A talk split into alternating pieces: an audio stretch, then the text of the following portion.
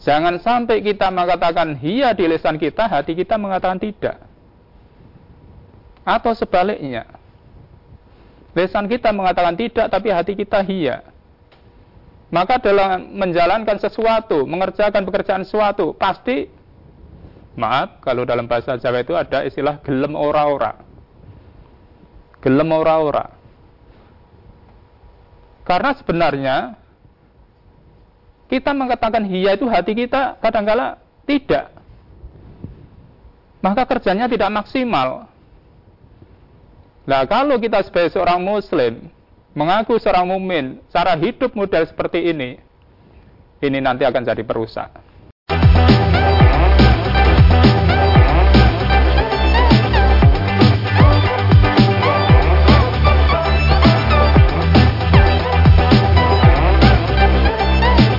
Assalamualaikum warahmatullahi wabarakatuh Saudara pemirsa channel terpilih MTA TV di mana pun Anda berada Puji syukur Alhamdulillah senantiasa kita panjatkan kehadirat ilahi Rabbi Allah Subhanahu Wa Taala atas genap karunia nikmat dan juga rahmat yang untuk kita semua di perjumpaan awal aktivitas pagi hari ini. Kita jumpa kembali di program unggulan Fajar Hidayah dan Alhamdulillah sudah hadir Ustadz Sunarno yang nanti akan melanjutkan pelajaran sekaligus memberikan pencerahan untuk kita semua di kesempatan kali ini. Assalamualaikum warahmatullahi wabarakatuh. Waalaikumsalam warahmatullahi wabarakatuh. Kabar baik dan sehat pagi ini. Alhamdulillah sehat baik. Alhamdulillah baik.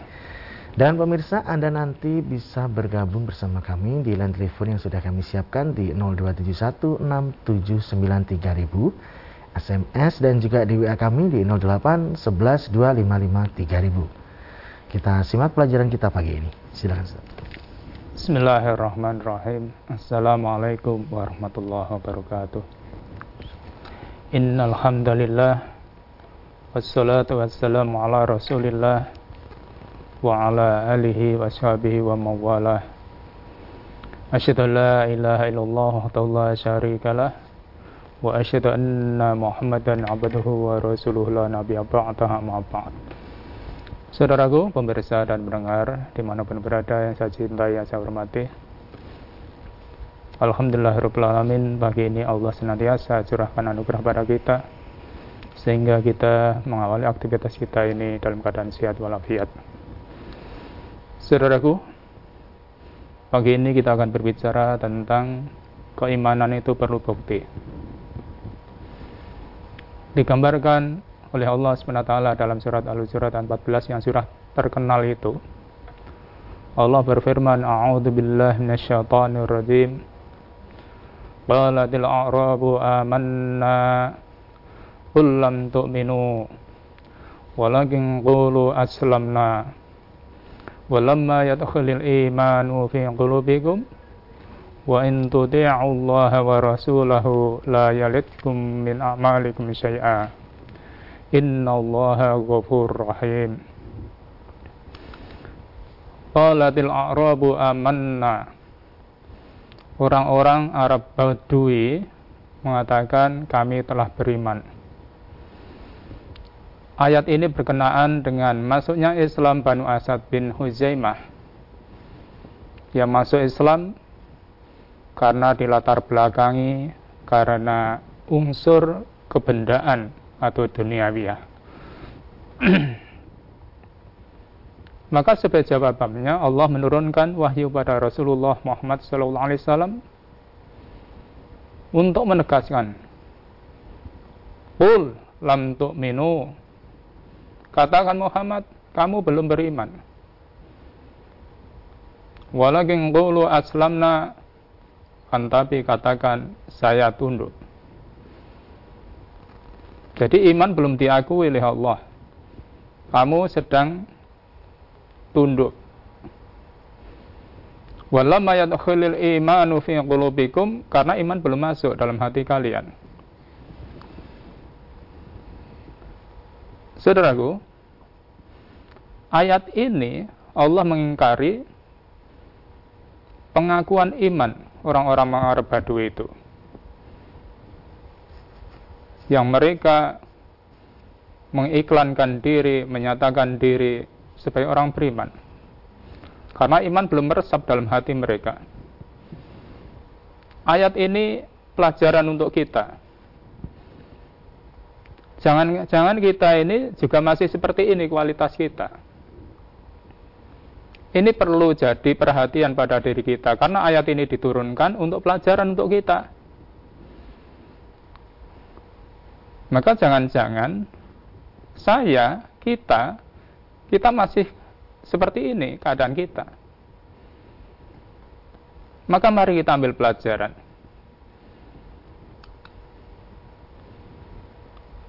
Padahal iman itu perlu bukti. Maka Allah dalam surat yang sama dalam ayat 15 itu Allah firmankan dengan tegas Innamal mu'minuna alladzina amanu billahi wa rasulih Di situ ada innama itu harfulil hasr pembatas hanya saja orang yang beriman pada Allah dan Rasulnya itu dengan kesungguhan. Karena iman itu perlu ada tiga unsur yang perlu kita perhatikan untuk diri kita. Yang pertama, kalau kita iman pada Allah dan Rasul dengan sungguh, itu kita perlu sesuai antara kata dan perbuatan. Ini yang pertama antara kata dan perbuatan kita harus sama.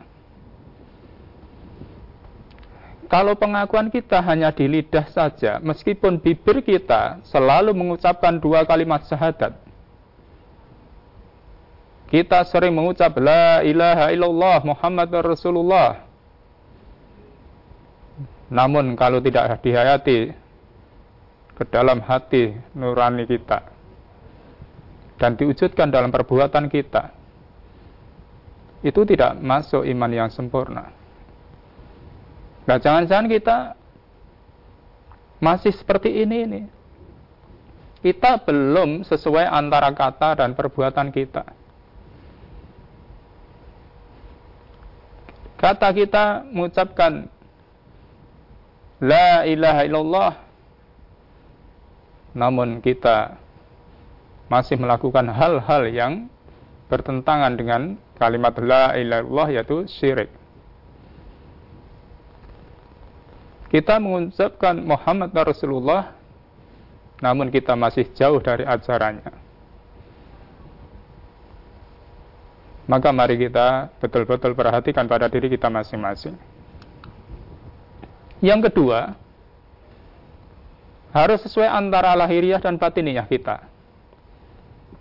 Karena iman pada Allah dan Rasul itu harus merasuk ke dalam hati kita. Yang akhirnya menjelma menjadi kekuatan di dalam tubuh, kekuatan dalam jasmaniah kita, kekuatan dalam rohaniah kita. Sehingga kita menjadi ringan dalam melaksanakan perintah agama. Karena ada kekuatan iman. Ada kekuatan iman. Mungkin bagi orang lain mengatakan berat, tapi bagi orang beriman tidak ada kata-kata berat. Itulah kekuatan kita, karena iman itu menjadi energi kita dalam melaksanakan perintah agama. Jadi kita melaksanakan perintah agama itu tidak ada beban sama sekali. Tidak ada beban sama sekali. Adanya enteng, senang, karena ini konsekuensi dari keimanan kita. Dan arah perjalanan kita hanyalah beribadah kepada Allah SWT. Kita mewujudkan dalam kehidupan ini. Inna solati wa nusuki wa mahyaya wa mamati lillahi rabbil alamin betul-betul kita hayati. Maka ini yang paling penting untuk diri kita. Kalau kita mengaku keimanan kita, iman yang benar.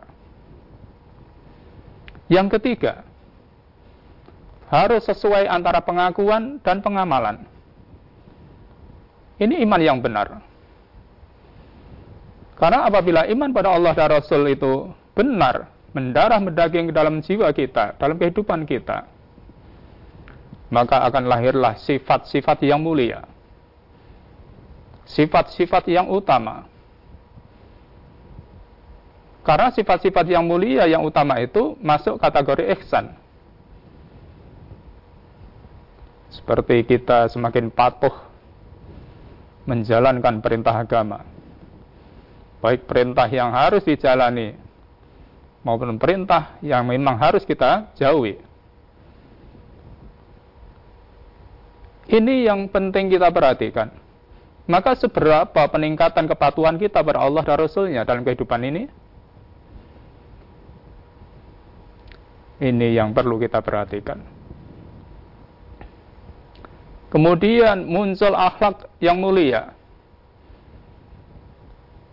Karena iman pada Allah dan Rasul yang kita hayati dalam kehidupan ini di samping kita tunduk patuh pada Allah SWT yang menciptakan diri kita,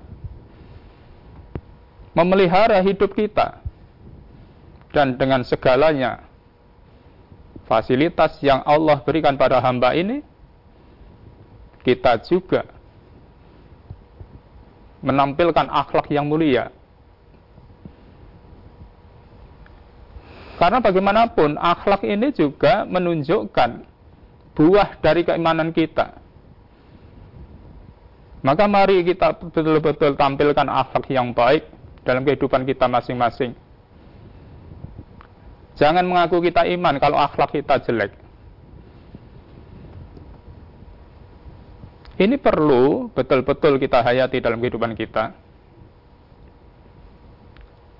Kalau kita iman benar, akan muncul sifat yang baik yang lain yaitu disiplin.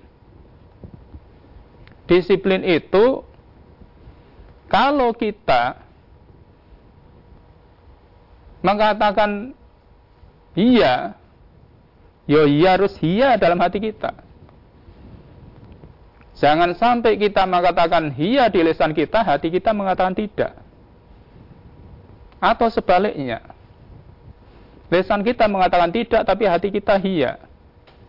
Maka dalam menjalankan sesuatu, mengerjakan pekerjaan sesuatu, pasti, maaf, kalau dalam bahasa Jawa itu ada istilah gelem ora-ora. Gelem ora-ora. Karena sebenarnya, kita mengatakan iya itu hati kita kadang-kala tidak. Maka kerjanya tidak maksimal. Nah, kalau kita sebagai seorang muslim mengaku seorang mumin, cara hidup model seperti ini, ini nanti akan jadi perusak. Ini nanti akan jadi perusak.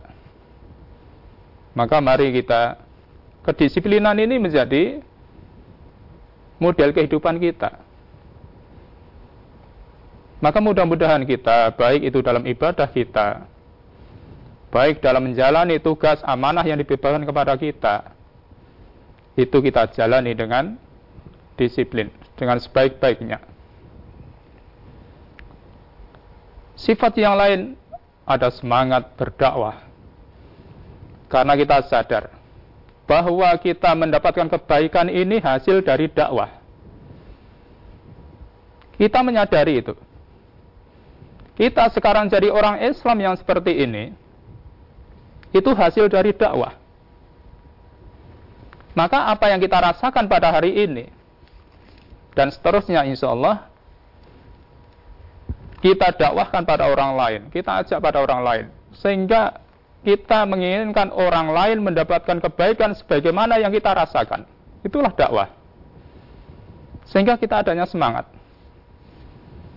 Dan masih banyak sifat-sifat yang mulia, yang utama, yang lainnya. Yang semuanya itu menjadi mustika kehidupan kita di dunia ini dan insya Allah menjadi perbekalan kita nanti di akhirat. Saudaraku,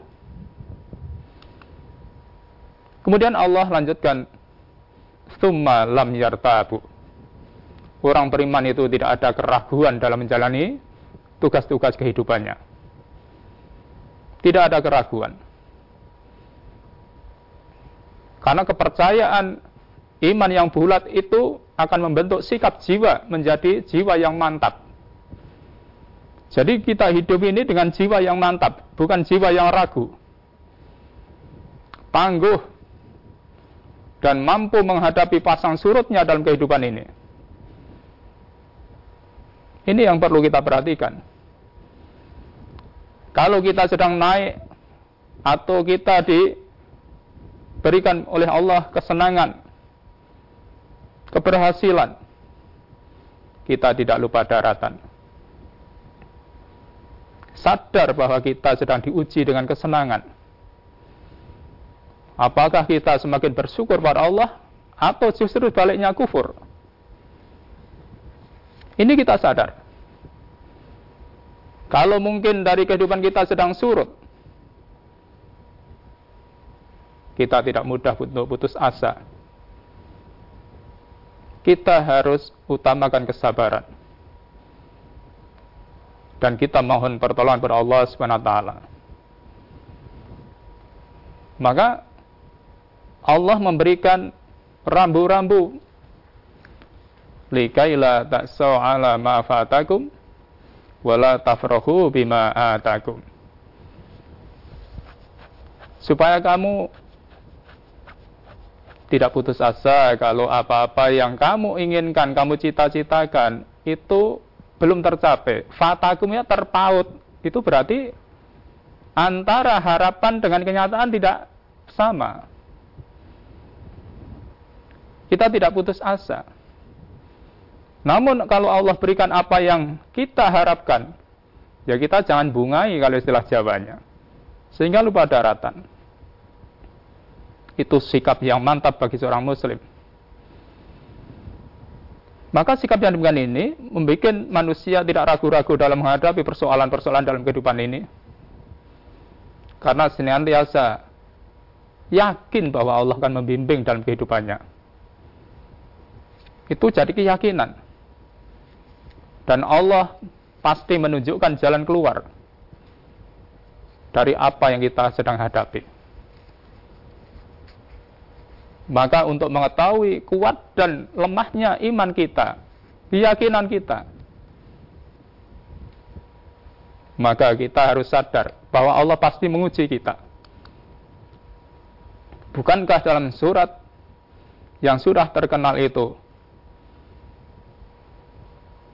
Ahasiban nasu ayat tiraku ayyaqulu amanna wahum la yuftanun? Apakah manusia mengira bahwa dia dibiarkan saja untuk mengatakan saya beriman? Sedang mereka tidak diuji lagi? Kita sadar, kita pasti menghadapi ujian. Sadar atau tidak kita? Maka tentu contoh yang pantas kita jadikan teladan dalam kehidupan kita ini adalah Rasulullah dan para sahabatnya. Rasulullah dan para sahabatnya.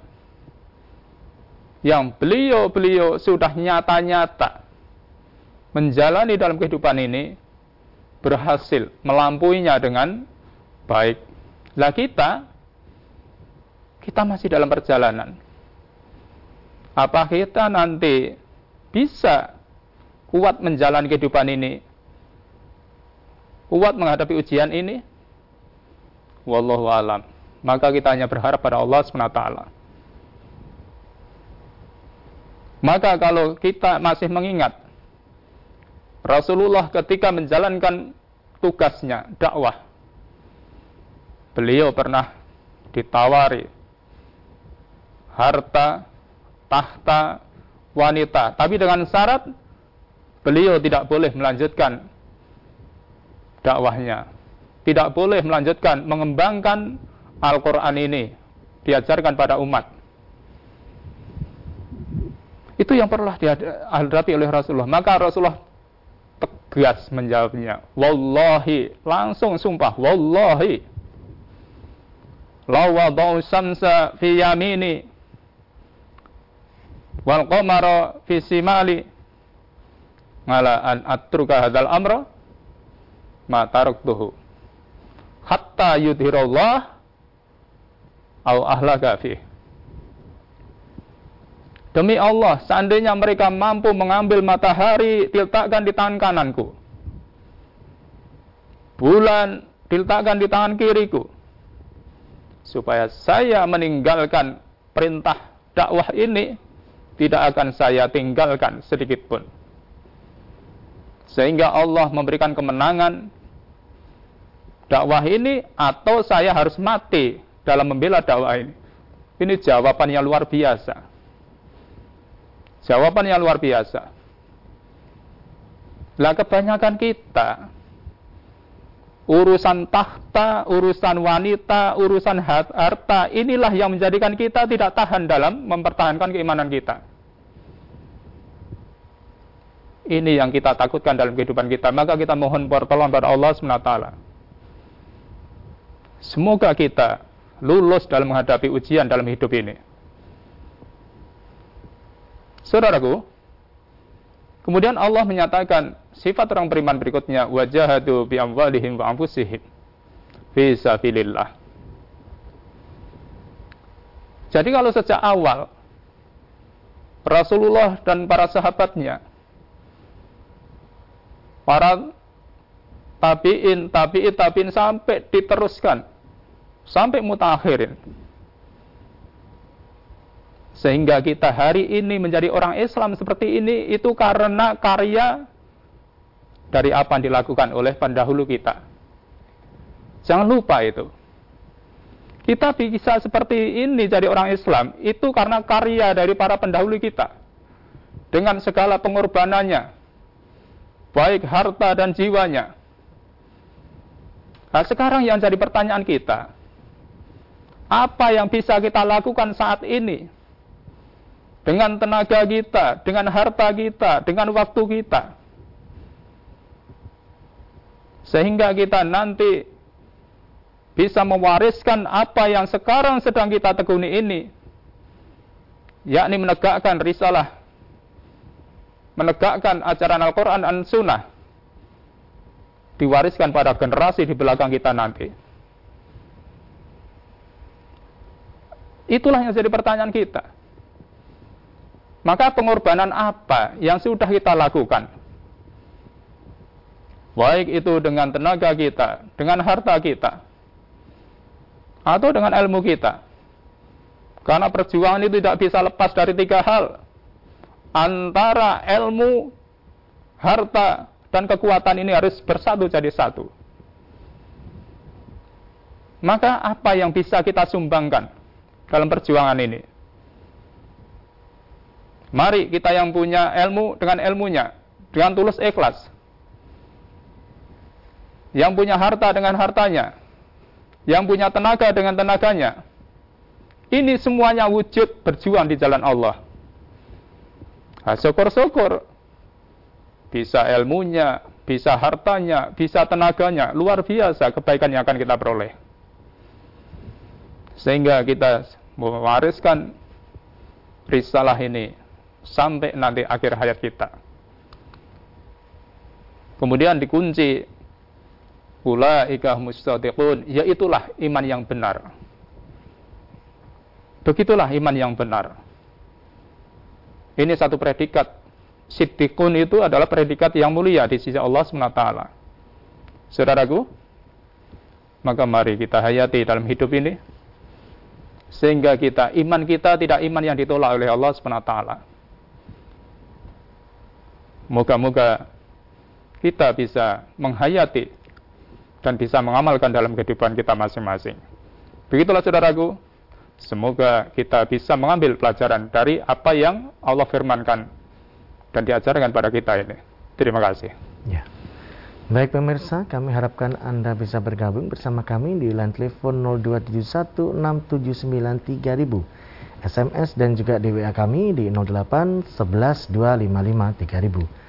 Namun sebelumnya kita akan simak beberapa informasi dalam rangkaian jeda pariwara berikut ini. Download aplikasi kumpulan brosur MTA lengkap di Play Store. Saat channel terpilih MTA TV di mana pun Anda berada, terima kasih Anda masih setia bersama kami, khususnya di program unggulan Fajar Hidayah pagi ini. Kesempatan pertama kami persilahkan di line telepon 02716793000. Halo, Assalamualaikum. Waalaikumsalam warahmatullahi wabarakatuh. Dengan siapa? Di mana Bapak? dengan Pak Hadi di Lembang. Silakan Pak Hadi, Palembang. Assalamualaikum Ustaz, Mas Tommy. Waalaikumsalam warahmatullahi wabarakatuh. Monggo Bapak Adi.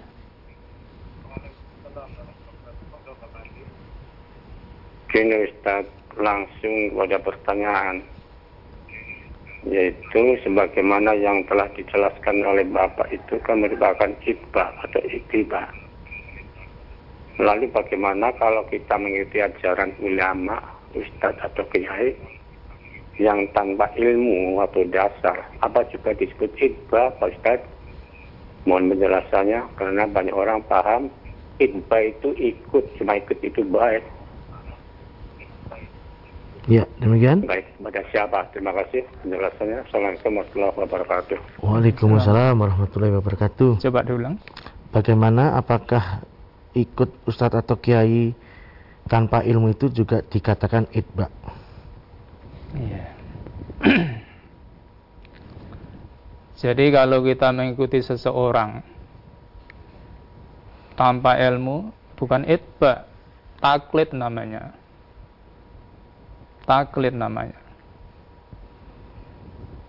Lawang kita itu mengikuti nabi aja harus dengan ilmu, apalagi mengikuti orang biasa.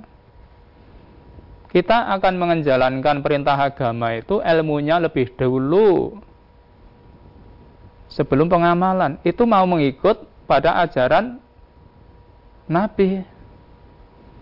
Kita harus tahu ilmunya dulu. Maka kita-kita ini diajarkan untuk terus belajar, belajar, dan belajar. Jangan hanya ikut-ikut. Kalau ikut-ikut itu namanya taklid. Taklid. Dan taklid itu tidak dibenarkan dalam agama. Karena kita tahu al-ilmu imamun amal. Jadi ilmu itu sebagai penuntun bagi orang yang beramal. Maka kita dalam menjalankan apalagi yang urusannya ibadah, kita harus ilmunya didahulukan. Itu penting untuk kita pahami. Jangan sampai kita hanya ikut-ikut. Bukan itba namanya. Wong kita untuk itba pada Rasul saja, itu perlu ngerti ilmunya. Contoh umpamanya, kita itba pada Rasul, yang Rasul itu bersabda, Sallu kama ra'aitumuni usalli. Solatlah kalian sebagaimana aku solat. Ini kan untuk itba pada Rasulullah. Bagaimana solat Rasulullah? Lah kita belajar. Mempelajari bagaimana Rasulullah takbirnya. Bagaimana Rasulullah sedekatnya. Bagaimana Rasulullah rukuk dan sujudnya itu di semuanya diajarkan. Itu supaya kita dalam sholat bisa itba pada Rasul.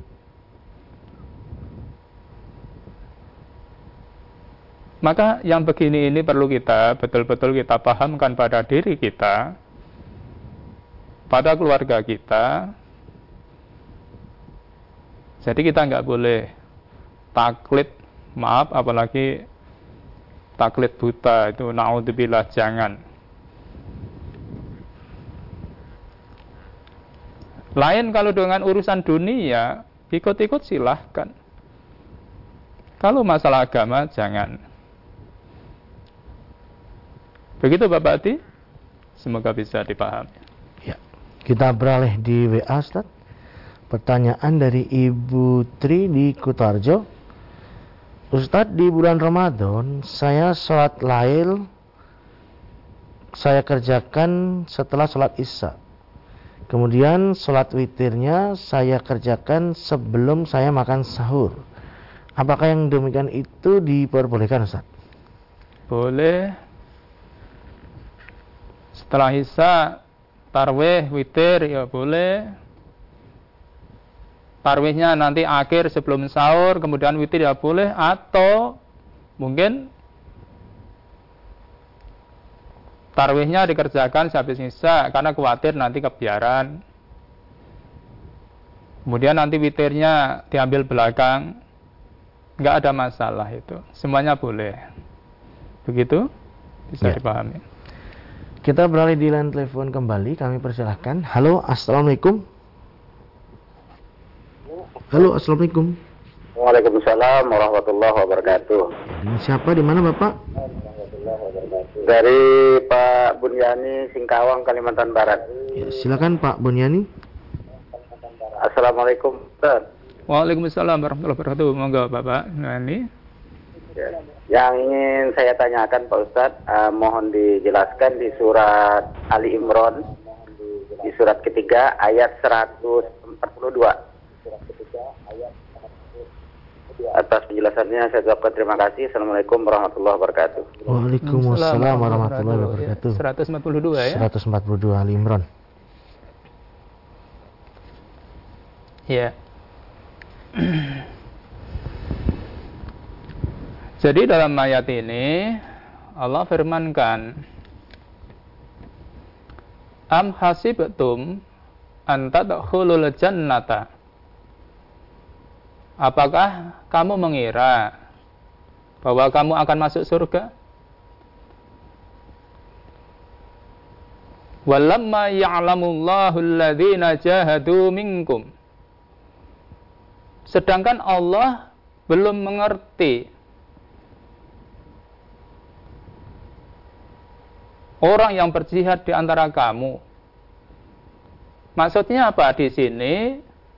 Bukan Allah tidak mengerti, Allah tidak mengetahui. Allah tahu, maha tahu apa yang kita kerjakan maupun yang belum.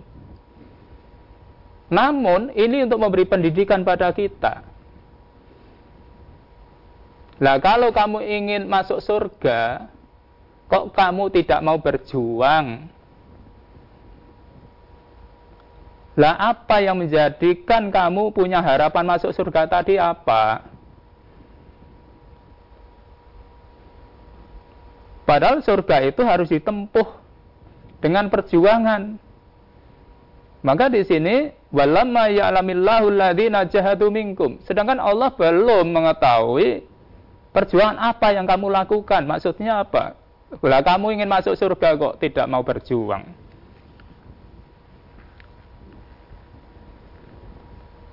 Wa sabirin dan kamu tidak sabar, ingin masuk surga kok tidak sabar dalam menempuh perjalanan perjuangan itu. Maka kalau kita sebagai seorang mukmin, mari kita buktikan karena surga itu harus kita tempuh dengan apa yang Allah tunjukkan bagaimana kita bisa masuk surga. Siratul mustaqim, jalan yang lurus ini harus diperjuangkan. Maka kita dengan kondisi kita masing-masing, yuk kita buktikan. Kita semuanya ingin masuk surga.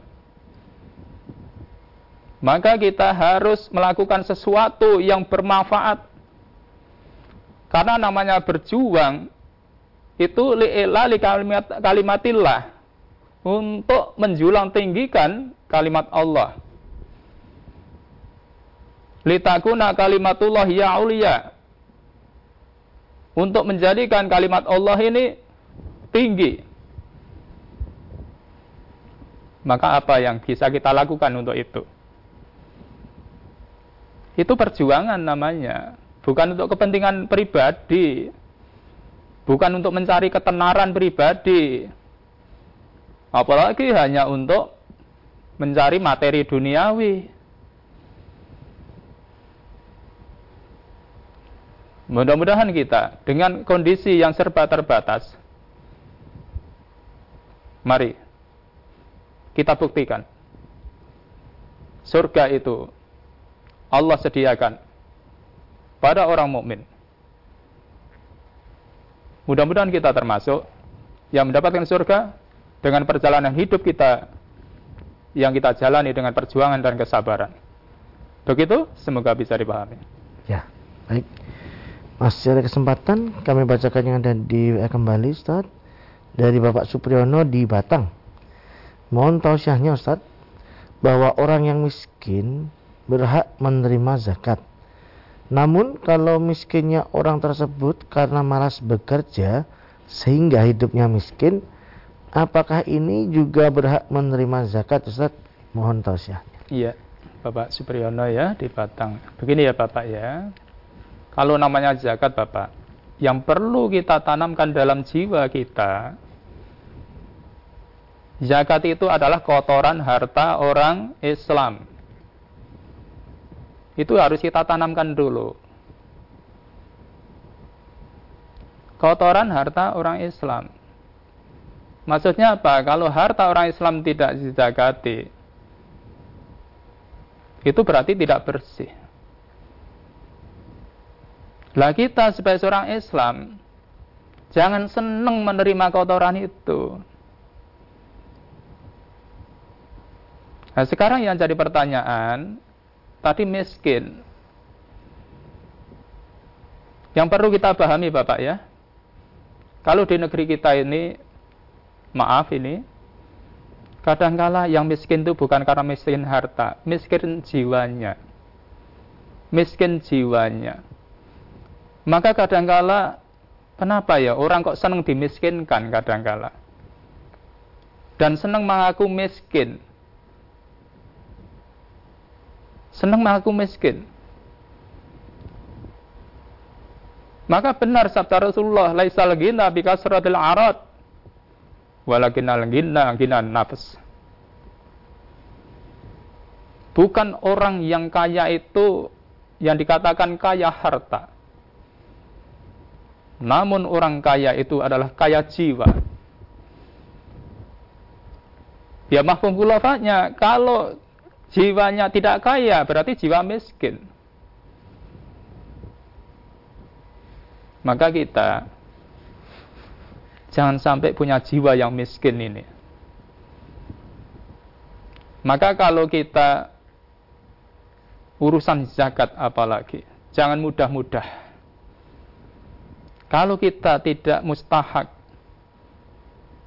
kok kita itu menerima, salurkan pada yang lebih berhak. Kalau tadi ditanyakan, jadi miskin karena masih bekerja. Lah kenapa malas bekerja? Kalau orang Islam nggak boleh malas. Wong ajarannya aja wala takunu kallan alan nas kamu jangan kalan-kalan nas. Kita nggak boleh terjadi. Jadi kalau kita itu orang muslim harus bisa berkarya minimal bisa mencukupi kebutuhan pribadinya. Padahal mestinya kita punya keluarga. Kalau memang betul-betul miskin, ya silahkan menerima. Namun perlu kita perhatikan betul-betul. Jangan sampai karena miskin jiwanya, walaupun sisi harta punya, punya. Um, miskin punya sepeda motor, punya televisi berwarna, punya apalah di situ kok masih ngaku miskin, itu namanya tidak syukur. Tidak syukur namanya. Ya monggo itu perlu di istati kolbak. Minta fatwa pada dirimu sendiri. Pantas enggak kalau seseorang saya begini kok menerima zakat itu pantas enggak? Kita harus malu pada Allah kalau seperti itu kondisinya. Begitu Bapak Supriyono, semoga bisa dipahami. Ya. Baik, satu lagi Ustaz dari saudara kita menanyakan bolehkah Ustadz fidyah dibayarkan setelah hari raya Idul Fitri? Demikian mohon tausiahnya. Ya jadi fidyah itu lebih cepat lebih baik. Karena fidyah itu untuk memberi makan orang miskin. Lebih cepat lebih baik. Umpamanya hari ini saya tidak berpuasa karena berat umpamanya. Kemudian hari ini juga atau besok segera memberikan fidyahnya pada orang yang berhak miskin tadi karena segera untuk dimakan namanya untuk orang miskin. Itu lebih baik. Namun kalau mungkin kadang-kala karena juga situasi dan kondisi habis hari raya nggak ada masalah. Yang penting setelah punya segera dibayarkan. Karena nama fidyah untuk ganti masalahnya. Ganti puasa kita, sedang puasa kita wajib, maka bayar fidyahnya ya jangan sak geleme, jangan direndi-rendi. Punya segera bayarkan. Begitu, semoga bisa dipahami. Ya. Baik Ustaz, sekiranya ada yang bisa disampaikan sebagai nasihat, silakan Ustaz. Ya. Saudaraku pendengar, pemirsa dan pendengar di mana pun berada yang saya cintai, yang saya hormati. Jadi kita sebagai orang yang mengaku mukmin, mengaku beriman, iman itu perlu bukti. Iman itu perlu bukti. Tidak aja, tidak aja hanya ngaku. Tidak hanya ngaku. Maka mari kita kita buktikan dalam kehidupan kita apa yang bisa kita lakukan untuk mewujudkan keimanan kita. Iman kita pada Allah dan Rasul betul-betul kita wujudkan dengan perilaku. Jangan antara perkataan dengan perbuatan tidak sama kita sholat membaca iya karena abudu wa iya karena stain itu ucapan kita tapi perbuatan kita. Jauh dari itu. Itu bukan orang beriman yang begitu itu. Iya karena abudu sholat iya kita jalani. Namun wa iya karena stain justru pada yang lain. Itu tidak masuk orang beriman. Dan orang beriman itu punya sifat-sifat yang mulia. Rasa ketaatannya, tunduk patuhnya, itu dijalani dengan enteng, dengan ringan, dengan semangat. Karena dorongannya hanya karena Allah, bukan pamrih-pamrih yang lain. Orang yang beriman itu pantulannya adalah punya akhlak yang mulia. Maka mari kita tunjukkan akhlak kita yang baik. Karena memang itu sifat orang beriman. Maka mari kita hiasi hidup kita dengan akhlak yang mulia, akhlak yang baik. Baik secara pribadi, dalam rumah tangga kita, di masyarakat kita, mari kita tampilkan. Wajhadu bi anna muslimun. Ini loh Islam itu begini. Orang beriman itu adalah orang yang disiplin. Disiplin. Kita dididik, jangan mengatakan iya kalau hatimu mengatakan tidak. Karena kalau orang model seperti ini, kerjanya mesti nggak maksimal. Kerjanya nggak maksimal. Maka Islam tidak boleh kita jalani dengan model seperti ini. Kalau iya, ya iya. Kalau mau, katakan mau. Kalau tidak, jangan mengatakan mau. Karena cuma akan menjadi penghambat perjalanan dakwah. Dan lain sebagainya. Saudaraku, semoga kita bisa menjiwai sebagai seorang beriman.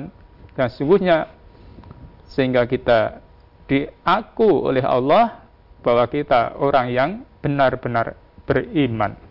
Begitulah saudaraku, semoga bermanfaat untuk saya dan kita semuanya. Terima kasih. Kami sampaikan terima kasih atas tausiah dan pelajarannya Ustaz. Assalamualaikum warahmatullahi wabarakatuh. Waalaikumsalam warahmatullahi wabarakatuh. Ya. Baik, saudara ke pemirsa channel terpilih MTA TV di mana pun Anda berada. Demikian tadi telah kita simak dan bersama program unggulan Fajar Hidayah di kesempatan pagi ini. Kita jumpa lagi di kesempatan mendatang. Saya Tamal Fatani pamit undur. Alhamdulillahirrahmanirrahim. Subhanakallahumma wa bihamdika. Asyhadu alla ilaha illa anta astaghfiruka wa atubu ilaik. Assalamualaikum warahmatullahi wabarakatuh.